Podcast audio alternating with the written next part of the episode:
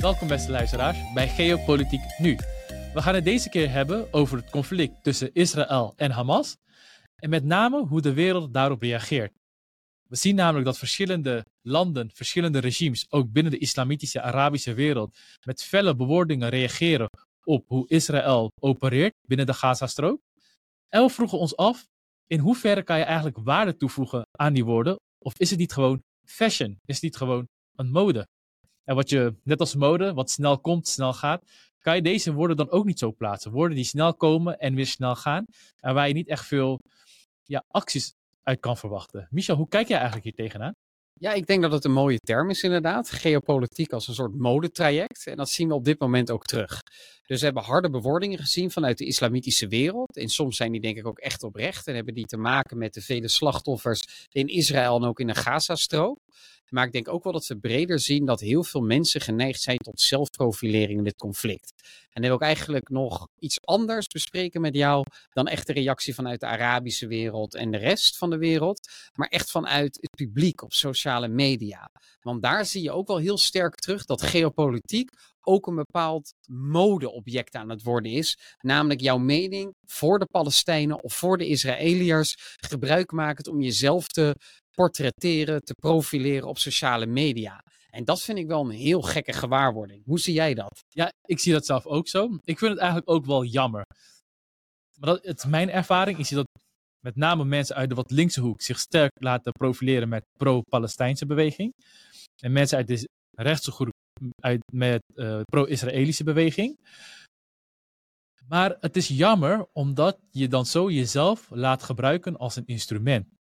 Ik vind, je moet jezelf niet zo laten gebruiken als een instrument. Je moet je eigen mening vormen, kijken hoe de situatie, wat de situatie is, hoe het zich afspeelt. En proberen echt vanuit een overzicht je eigen mening te vormen en daar te gaan te gedragen. En niet jezelf zozeer te laten gebruiken als een ja, mode-instrument. En vooral dat je je eigen waarde daaruit laat afhangen. Van ja, ik ben heel sterk pro-Palestina. En dat je dat natuurlijk op sociale media deelt, puur ja, voor je eigen waarde.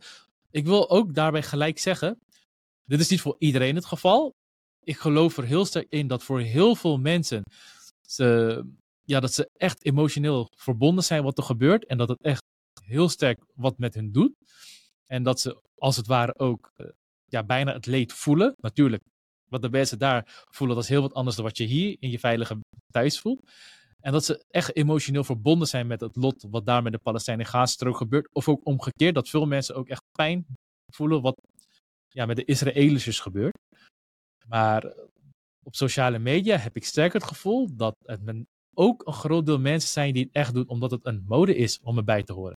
Precies. Althans, dat is het gevoel wat ik heb. Nogmaals, niet bij iedereen, maar wel bij een flink deel. Ja, ik denk dat het bij heel veel mensen het geval is dat zij inderdaad een mening over Palestina-Israël-conflict vooral gebruiken als een soort instrument om zelf hun status op te vijzelen, bij een bepaalde groep te horen. Het om die reden ook delen op internet, op sociale media, waar je dan ook echt totaal ongeïnformeerde meningen terugziet van mensen van wie je ook zegt prima dat je je met maatschappelijke zaken bezighoudt. Maar doe dat vooral dan om jezelf ergens in te verdiepen en je te informeren. En niet zozeer om aan zelfprofilering te doen en erkenning te krijgen, wat likejes te krijgen op TikTok, op Instagram. Want dat leidt af van de echte situatie. En ik vind het ook vooral een verschraling van het debat en een verschraling van individuen zelf. En ik denk dat je daarom ziet dat heel veel leiders binnen de Arabische en Islamitische wereld ja, daarop ook moeten inspelen. Zeker. Ja, om denk ik ook opstanden te voorkomen. Dus we zagen laatst, afgelopen week was er een, een top. Er was een gezamenlijke top waarbij de Arabische Liga, dus de gehele Arabische wereld, bij elkaar kwam samen met de leden van de Organisatie van Islamitische Samenwerking. 70% van de leden zijn hetzelfde, maar daar zijn er ook lidstaten bij als Centraal-Aziatische landen, Bangladesh, Pakistan, maar ook in Indonesië is erbij. Soudaan. Mauritanië, ga zo maar door. Inderdaad. En ze kwamen met hele sterke bewoordingen naar buiten toe. Dat het een sprake is van een barbaarse genocide, een onmenselijke barbaarse agressie jegens de bevolking, zelfs Saudi-Arabië. Baby's worden vermoord, zei Erdogan. Baby's worden Baby vermoord. killing country. Baby killing country. Of uh, het moet stoppen, een permanente staakt het vuren. Dus hele sterke bewoordingen vanuit ja, de islamitische wereld, ook van de Arabische leiders. Maar als we dan kijken naar de acties, dan zien we heel wat anders. Sterker nog, jij gaf zelf aan mij aan dat er eigenlijk sprake zijn van nog hardere bewoordingen, maar dat een aantal Arabische landen dat heeft tegengehouden. Hoe zit dat precies? Ja, inderdaad. Dus de Arabieren en de islamitische landen die kwamen samen bij een gezegde Arabische islamitische top. En daarin waren er stemmen, met name onder leiding van Iran, om allerlei sancties op te leggen tegen Israël en indirect ook tegen de Verenigde Staten. Uh, Amerika die voorziet Israël namelijk van wapens en gebruikt daarvoor heel veel militaire bases in islamitische landen. Denk in Saudi-Arabië, denk in Turkije. En deze basissen, dus meerdere bases, worden gebruikt om van daaruit Israël te voorzien van wapens. Iran en een aantal andere islamitische landen wilden hier eigenlijk een stokje voor steken. En hadden dan ook een resolutie in de pijplijn zitten om al deze landen op te roepen daarmee te stoppen. En ook alle handelsrelaties met Israël af te breken. Net als alle diplomatieke relaties met Israël af te breken. En op die top zelf is eigenlijk duidelijk geworden dat de landen die een Abraham-akkoord met Israël hebben afgesloten, dus Abraham-akkoord staat als symbool voor de normalisering van de relaties met Israël. Uh, zoals Saoedi-Arabië op termijn, maar op dit moment Verenigde Arabische Emiraten, Marokko, Bahrein. Uh, welke landen? Soudaan heeft ook normale relaties. Uh, ja. Soudaan, Jordanië.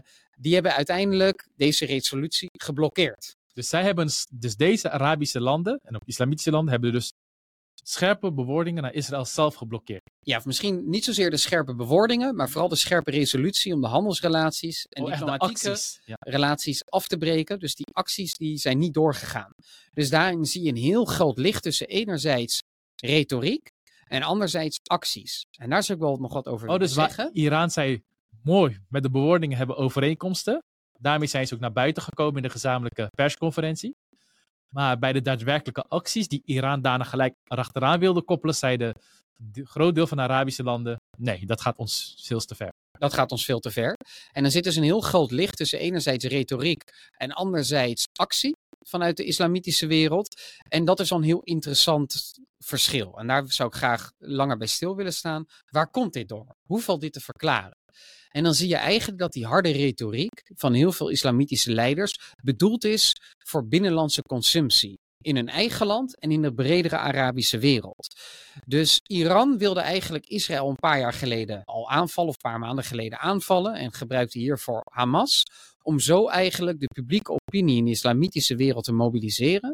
Zodat die normalisering tussen de islamitische wereld, Arabische wereld en Israël geblokkeerd zou worden. En het enige instrument dat Iran kon gebruiken was het mobiliseren van de publieke opinie in de Arabische wereld. Dat is gelukt. En eigenlijk spelen de Arabische leiders er op dit moment op in door vooral harde retoriek te gebruiken, zodat ze eigenlijk de gemoederen kunnen bedaren in de Arabische wereld zelf en in hun eigen land. In de Arabische wereld, wat we al aan het begin aangaven, is het niet zozeer een fashion, een snelle mode, Nee. Maar daar is het echt, zij zien het echt een onderdeel van, als het ware, de Arabische islamitische wereld, beschaving. Het zijn onze mensen die daar worden, uh, niet slachtoffer zijn. En die sentimenten leveren heel sterk en daar moeten de Arabische leiders wel wat mee. Ja, die moeten daar heel erg rekening mee houden. Het is wel minder, denk ik, dan 20, 30 jaar geleden. Maar alsnog zijn die sentimenten daar erg sterk. Dus inderdaad, je hebt je als leider daartoe te verhouden. Al ben je, dictator. Er, al ben je een dictator, je moet er rekening mee houden. En deze druk zie je dan ook heel sterk uitmonden uiteindelijk in harde retoriek naar Israël toe. Maar de geopolitieke realiteit van deze landen is er ook. En die geopolitieke realiteit die zegt eigenlijk dat de vijanden van veel Arabisch-islamitische landen Iran, Turkije en de moslimbroederschap zijn. En dus nogmaals, Iran, Turkije en de moslimbroederschap zijn als het ware de vijanden of de tegenstanders van veel Arabische regimes.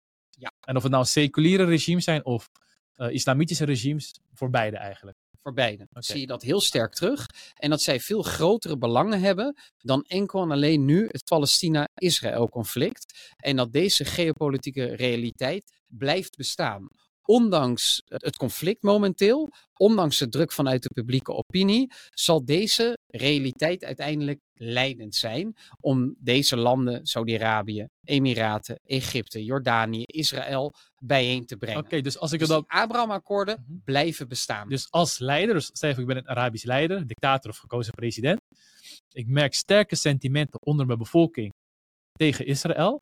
daar moet ik wat mee. Ik kan het niet gewoon laten staan. Dus dan kom ik met scherpe bewoordingen. Om zo in ieder geval voor de korte termijn, lange termijn weten we niet. Maar voor korte termijn uh, lucht uit, of de druk te verlichten. Want ik heb sterk Israël, uh, ik heb sterke bewoordingen geuit jegens Israël. Maar tegelijkertijd heb ik andere grote problemen die ik alleen kan oplossen door Israël te erkennen en eigenlijk ook met Israël en het Westen samen te werken. Ja. En wat zijn dan die andere grote problemen, zeg maar zo grote problemen, dat ik met Israël en het Westen moet blijven samenwerken, ook al is mijn bevolking daar zelf tegen. Waarom ben ik daar als leider toe gedwongen? En niet de gehele bevolking is daar tegen. Laat het ook duidelijk zijn. Dus in de afgelopen decennia zie je wel steeds de steun vergroot zien worden dat Israël kan samenwerken met deze Arabische landen en erkend moet worden. Dus daar zie je een groei in. Dus laat het wel duidelijk zijn, het is niet de gehele bevolking. Die bevolkingen zijn ook niet een unitaire actor. Ja, ook in Saoedische bloggers zag ik het ook zelf. Ja, bij Saoedische bloggers zie je het, in Marokko zie je het. Dus je ziet het in verschillende Arabische landen, dat inmiddels wel duidelijk is, Israël moet bestaan. Betekent absoluut niet dat je ze een vrijbrief geeft om alle Palestijnen dood te maken. Dat is natuurlijk weer totaal andere uiterste. Dat, dat, dat is natuurlijk ook weer niet waar. Maar je ziet inderdaad wel dat de steun voor Israël is hier en zal blijven bestaan aan het groeien is. De, een voorbeeld is een citaat van de Emiraten minister van Buitenlandse Zaken die ook aangaf Israël en eigenlijk de Joden en de christenen, die hebben een plek in het Midden-Oosten. Hun wortels liggen hier. En het is daarom ook logisch en goed en rechtvaardig dat zij hier een toekomst hebben. En die toekomst is met name in Israël. En die Abraham-akkoorden hebben eigenlijk tot doel dat iedereen in de regio dat erkent. En dat wij gemeenschappelijk erop vooruit kunnen gaan rijker kunnen worden en veiliger kunnen ja, worden. En dan toch nog even jouw vraag beantwoorden. Het verschilt eigenlijk per land wat het grootste belang is om samen te werken met Israël. Het voor, voorbeeld voor Jordanië is het belangrijkste gas en water. Voor Marokko is het de erkenning van de westelijke Sahara en uh, militaire samenwerking om zich te weer te stellen tegen Algerije. Voor Saudi-Arabië het de diversificatie van de eigen economie en een veiligheidsparaplu tegen Iran. Uh, voor de Verenigde Arabische Emiraten is het eigenlijk vooral de strijd met de moslimbroederschap en economisch hechter willen samenwerken, zodat zij erop vooruit kunnen gaan.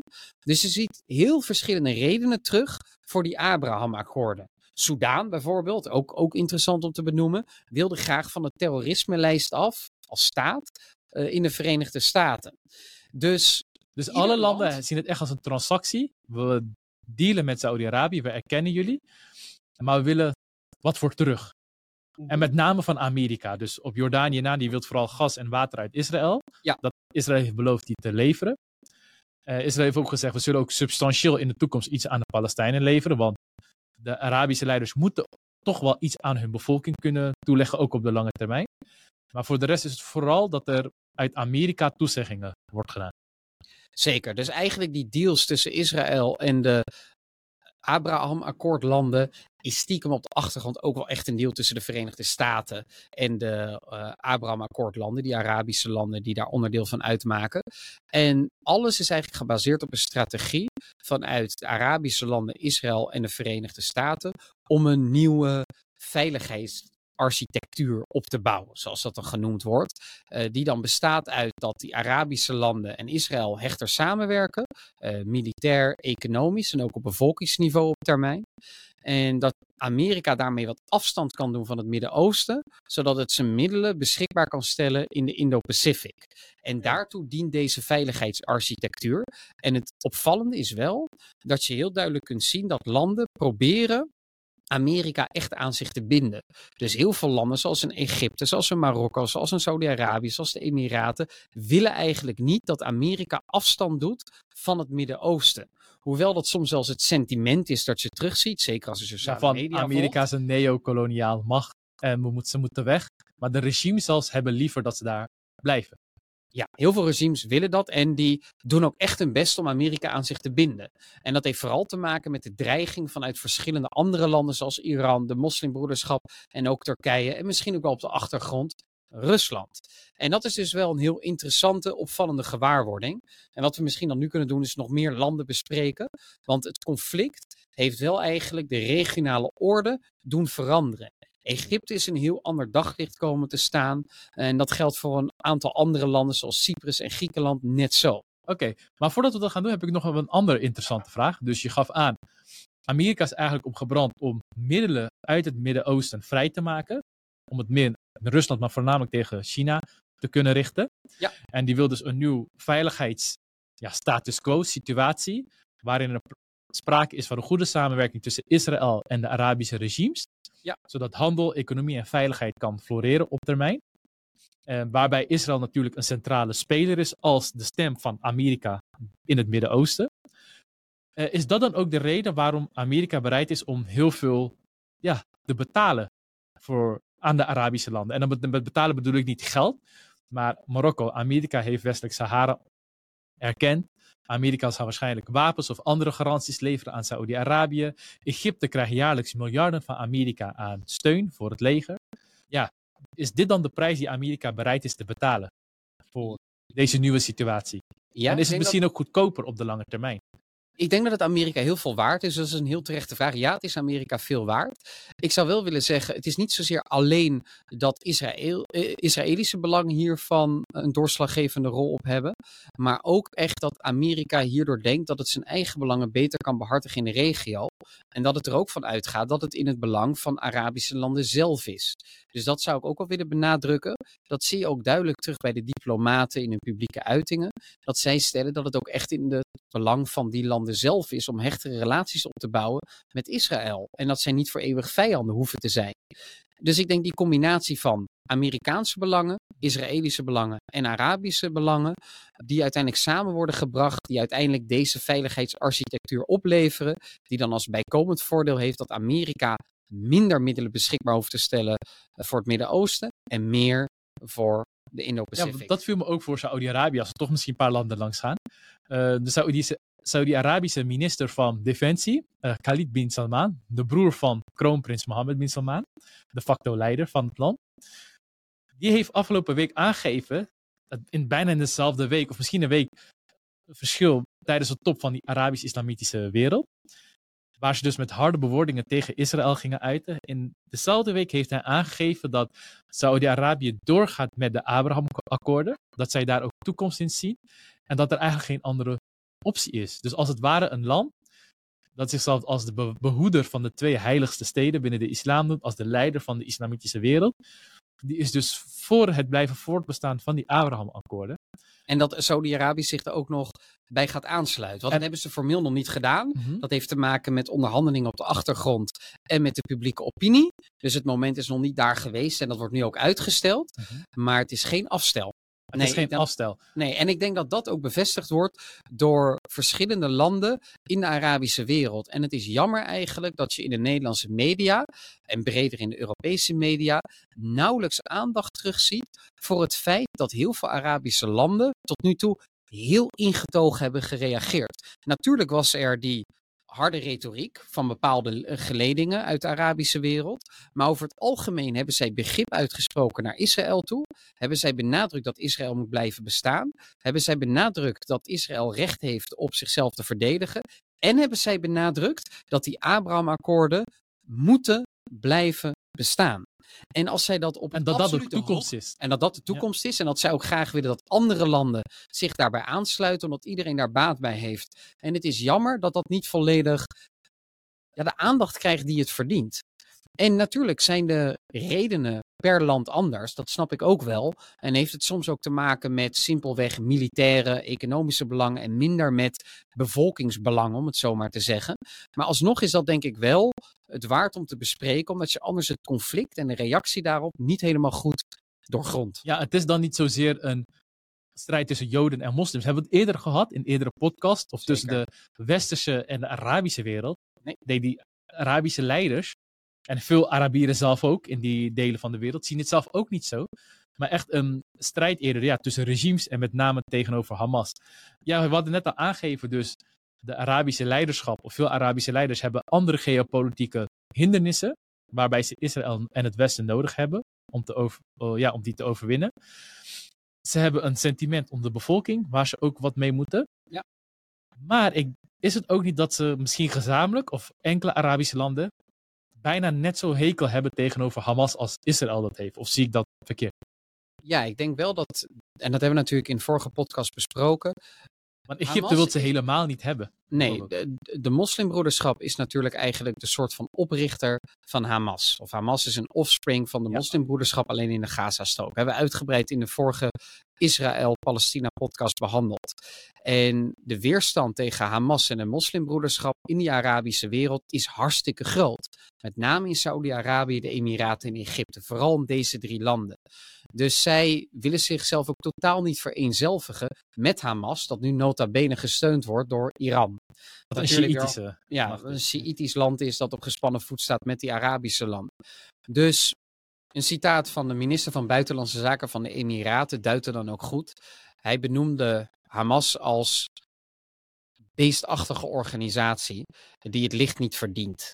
Dat is dan even mijn vertaling ervan. Dus dat geeft al aan dat de weerstand in die Arabische landen tegenover Hamas heel groot is.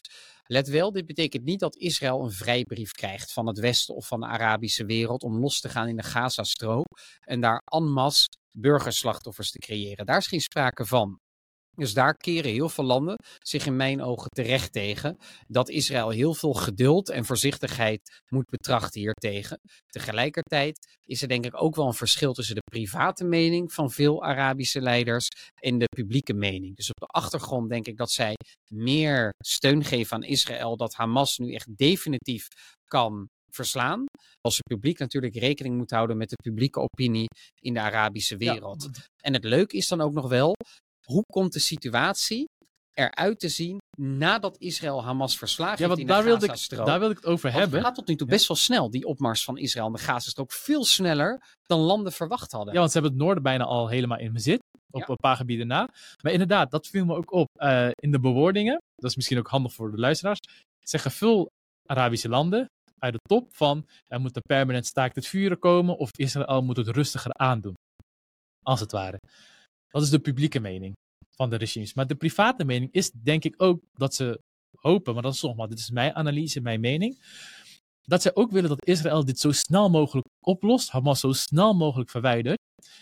En waarom denk ik zo? Je ziet dat heel veel Arabische landen, met name Saudi-Arabië en de Emiraten, al volop nadenken en opties klaar hebben staan over de, zoals ze dat noemen, de post-conflict mode. Dus wat gaan we doen als dit allemaal voorbij is? En daar zijn ze al uitvoerig in gesprek, plannen aan het maken. En dat doe je denk ik niet als je verwacht dat een probleem nog lang gaat duren. Dat doe je alleen als je denkt, oké, dit probleem wordt snel opgelost. En stiekem hopen zij misschien ook dat Hamas zo snel mogelijk van het toneel verdwijnt. Zodat Dat zij een grote rol krijgen in het opnieuw vormgeven van een nieuw mogelijk Palestijnse staat. Zeker, en ik denk dat dat wel een heel moeilijk verhaal gaat worden, hoe je dat op een goede manier kunt doen. In Amerika is daar ook wel heel hard over nagedacht. En daar kwamen ook wel ambtelijk diplomatieke berichten naar buiten. Dat zij het idee hadden dat Israël totaal nog niet voldoende had nagedacht, met name het Netanyahu-regime, over wat gaat er na die oorlog gebeuren. En dat zij heel graag wilden dat Israël daar wel tijdig over na zou denken. eh, omdat je dan alleen kunt zorgen voor verbroedering. En dat gaat natuurlijk lange tijd duren nadat de oorlog beëindigd is. En het interessante hierbij is eigenlijk om Egypte even te behandelen. Waarom? De Gazastrook heeft eigenlijk grenzen met twee landen. Met Israël, nou, die hebben we uitvoerig behandeld, maar ook met Egypte. Dus de belangen voor Egypte zijn heel erg groot. En Egypte heeft eigenlijk twee strategisch cruciale doelen. Het eerste doel is het voorkomen dat de grens tussen de Gazastrook en Egypte open gaat omdat zij absoluut willen voorkomen dat de Palestijnen in de Sinai-peninsula, dus bijna eiland, eh, komen te wonen. En zij willen voorkomen dat er uiteindelijk een spillover-effect komt van geweld vanuit de Gazastrook naar Egypte toe. En de peninsula, dat hebben we vorige keer behandeld. is naast het Suezkanaal. Ja. ja, naast het Suezkanaal een soort driehoekje.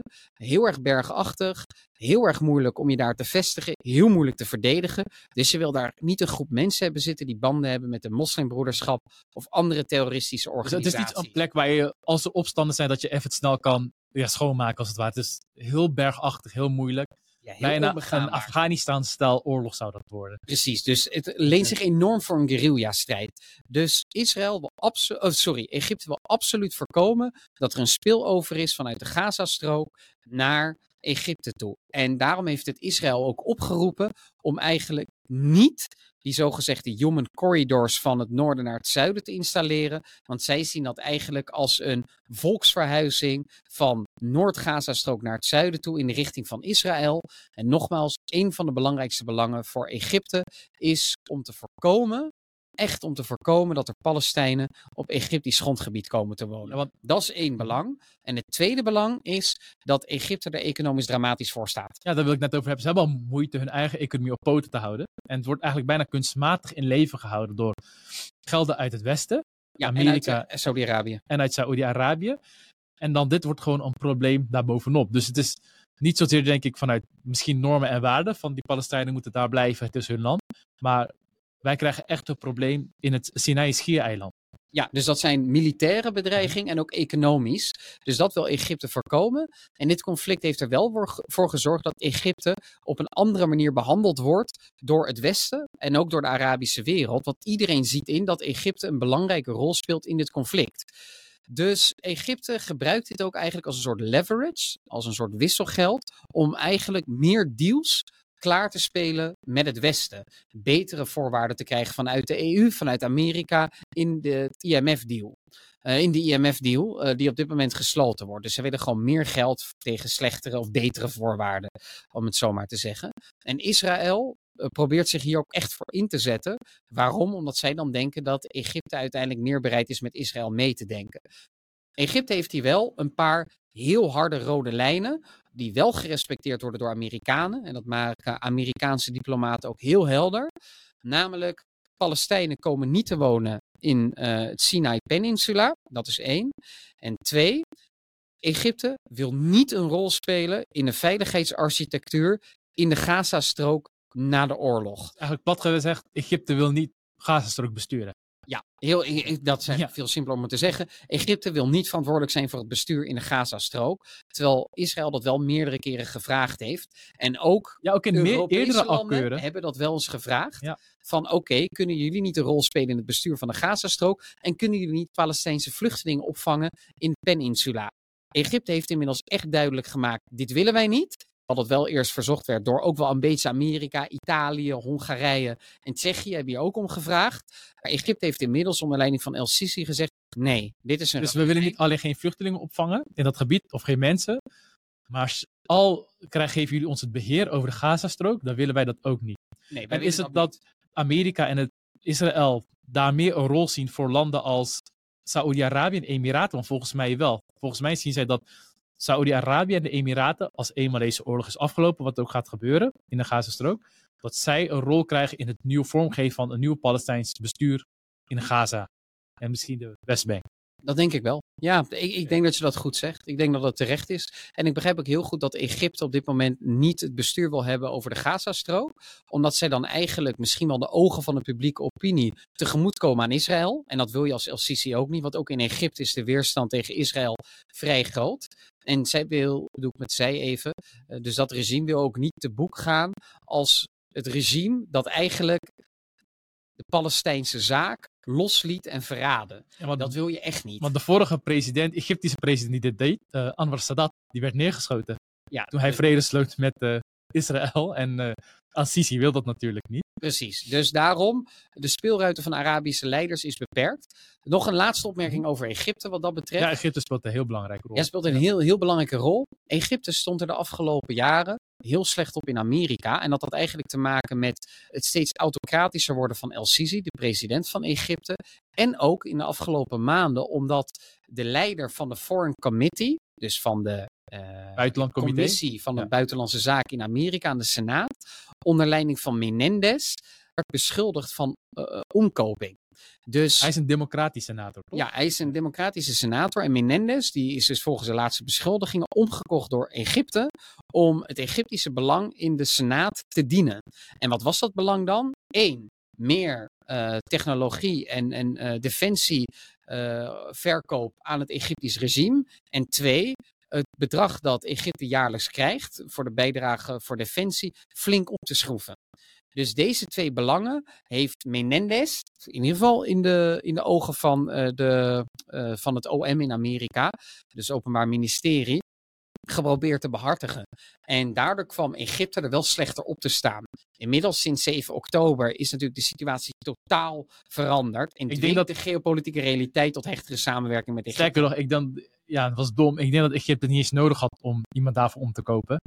Als ze een beetje sterk lobbywerk hadden gedaan en ook gezien de situatie, zouden ze daar toch, zouden ze toch denk ik die concessies misschien binnen kunnen krijgen. Of in ieder geval een deel daarvan. Dat denk ik ook wel. Maar bij de Democraten was het sentiment ook wel heel erg sterk om Egypte en vooral El Sisi harder aan te spreken en hem eh, te wijzen op mensenrechten situatie in Egypte. En dat kon je wel via deze omkoping, wat dat zou het dan zijn, die mogelijkwijs heeft plaatsgevonden, moet eerst nog bewezen worden, natuurlijk wel te omzeilen zijn. Dus dat is natuurlijk wel uiteindelijk de poging geweest van, eh, van Egypte.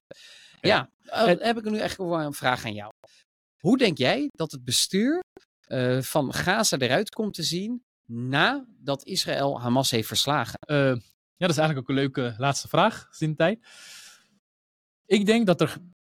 Ja, ik ga gewoon denken in opties. Of niet zozeer wat ik wil, maar gewoon realistisch. Wat zijn de enige opties? Ik denk de enige optie is Gaza. Egypte heeft al aangegeven dat zij geen eh, rol willen spelen in het bestuur van eh, Gaza. Ik denk dat Israël op korte termijn het zal besturen en met name de veiligheid daarvoor zal zorgen.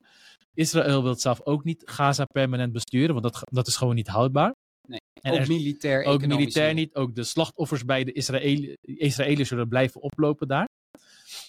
Ik denk dat er alleen maar één optie is. En dat is dat Saudi-Arabië en Emiraten hier een belangrijke rol zullen spelen. En zij hebben zelf ook aangegeven dat zij die rol ook willen spelen. Eh, dus ik denk dat het een combinatie wordt van dat Saudi-Arabië en Emiraten een rol zullen spelen.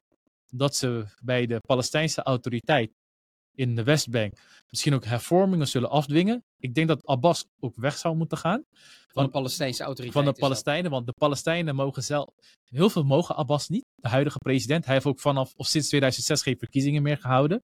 En voor de duidelijkheid, hij is de leider van de Palestijnse autoriteiten die de leiding hebben in de westelijke Jordaanoever. En hij wordt ook, de Palestijnse autoriteit wordt als, ook als de enige wettelijke vertegenwoordigers van de Palestijnen gezien.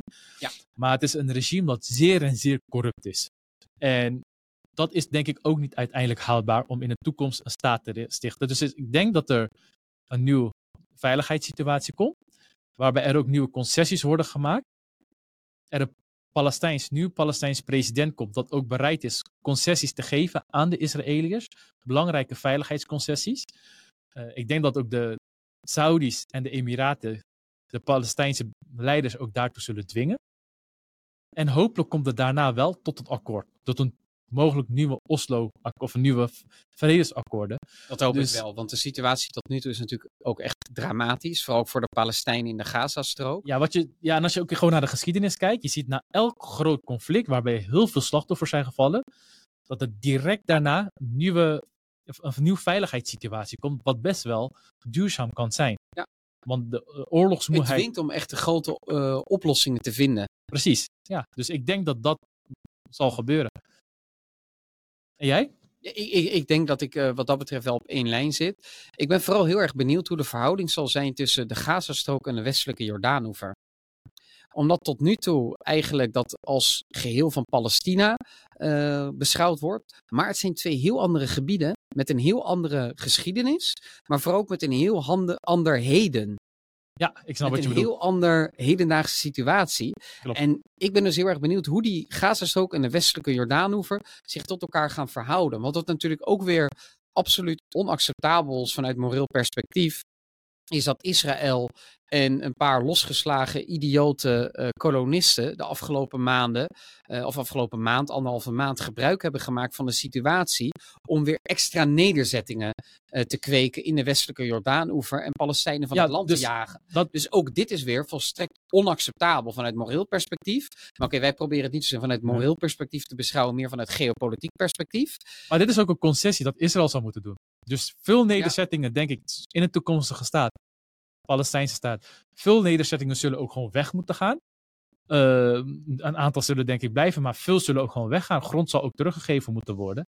Zeker. Eh, en want- Saudi-Arabië had het ook in die onderhandelingen tussen eh, Israël en Saudi-Arabië over die Abraham-akkoorden gesteld dat Israël iets significants moest doen Precies. naar de Palestijnen toe, omdat Saudi-Arabië als leider van de islamitische wereld een grote stap zou zetten en het daarmee natuurlijk niet zoveel reputatieschade kon oplopen als, de, eh, als Israël geen enkele concessie zou doen naar Ja. de Palestijnen toe. Maar- En ik begrijp, en jij hebt dat voor deze uitzending natuurlijk ook uitgebreid eh, wederom met mij besproken, maar jij gaf ook aan, het is voor Israël niet mogelijk om in eh, de Golan-gebergtes daar heel veel land af te staan. En ook in de westelijke Jordaan-oever kunnen zij niet te veel militaire eh, Ja, ja, macht afstaan. Klopt. Omdat de strategische diepte van Israël dan uiteindelijk te veel eh, eh, ja, geweld aangedaan zou worden. Dus zij moeten daar echt wel een bepaalde veiligheidsgarantie kunnen afdwingen. Maar dat betekent natuurlijk niet dat je daar per se nederzetting hoeft te creëren. Dat kan ook op een andere manier Ja, gerealiseerd ik denk dat er worden. een Palestijnse staat komt, maar dan zonder een leger. Dus er mag een politiemacht bestaan. Maar bijvoorbeeld als een Costa Rica, dat heeft ook geen leger. Eh, andere landen in Zuid-Amerika ook niet. Die hebben gezegd, we houden ons puur met een politiemacht voor interne veiligheid, maar geen legermacht.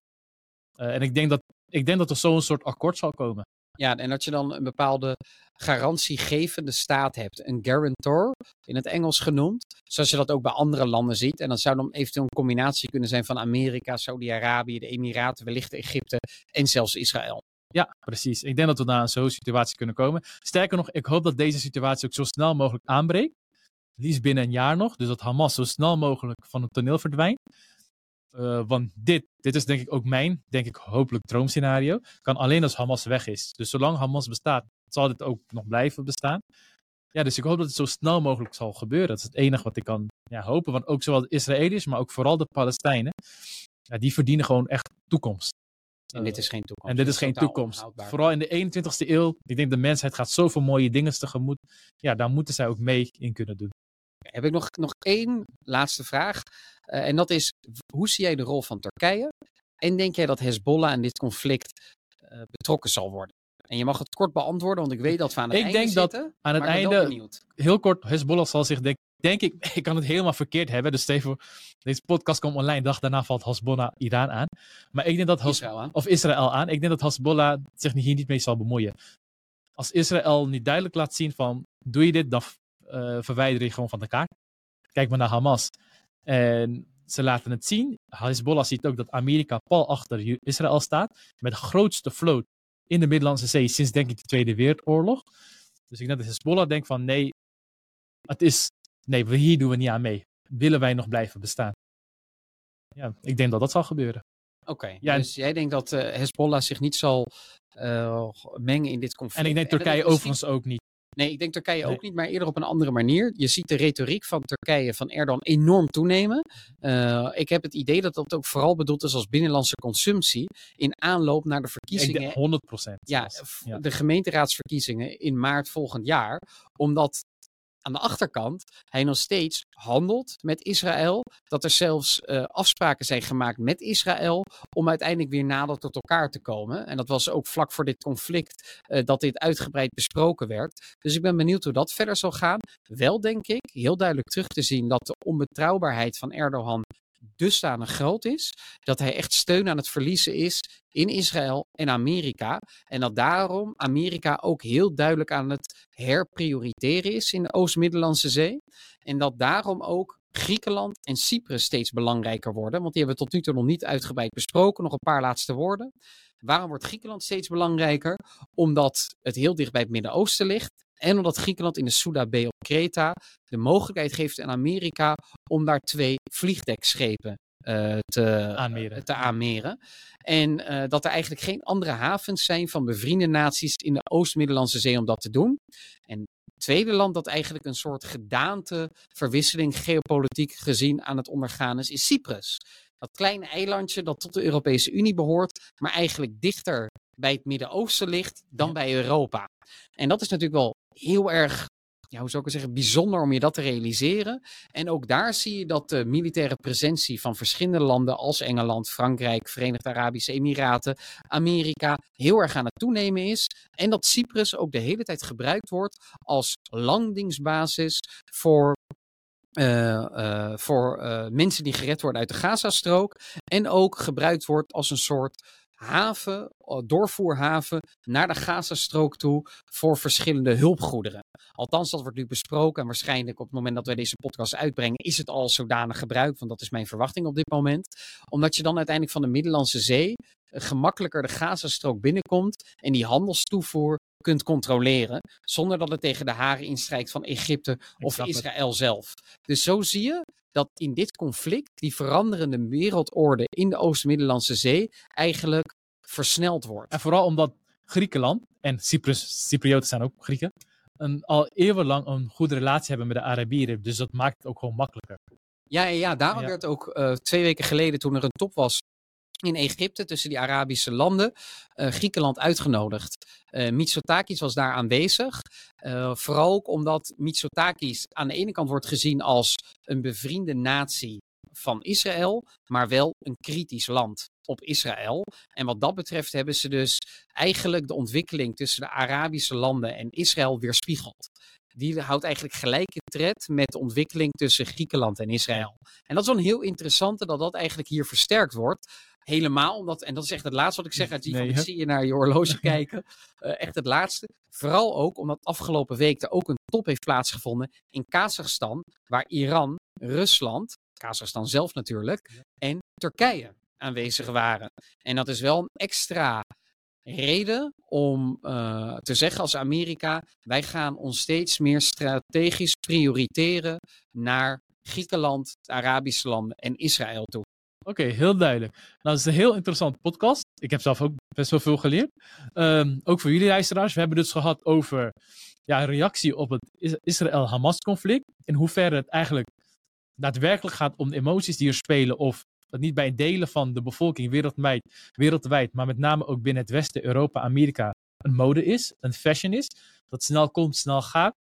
Of mensen daar hun identiteit aan ontlenen of uh, een goed gevoel aan geven. Nou, zulke mensen heb je sowieso. Voor een groot deel van de mensen doet het emotioneel ook best wel wat, met name in de islamitische wereld. Daar moeten de Arabische leiders op reageren. Daar hebben het gehad. Hebben, uh, ja, reageren ze ook via de Arabische islamitische top. Tegelijkertijd zie je dat de woorden anders zijn als de daadwerkelijke acties. En we hebben eigenlijk een analyse gedaan waarom dat zo is. Waarom de Arabische leiders qua acties meer aan Israël staan. Of meer voor samenwerking met Israël zijn. Terwijl ze qua bewoordingen lijkt alsof ze heel anti-Israël uh, ja, zo in het spel staan. En wat de mogelijke toekomstscenario's zijn. En de enige opties ook voor wat er na dit conflict zal gebeuren. Nou, ik hoop dat jullie ook heel veel hebben geleerd en natuurlijk afscheid hebben kunnen nemen van jullie ongeïnformeerde zelf.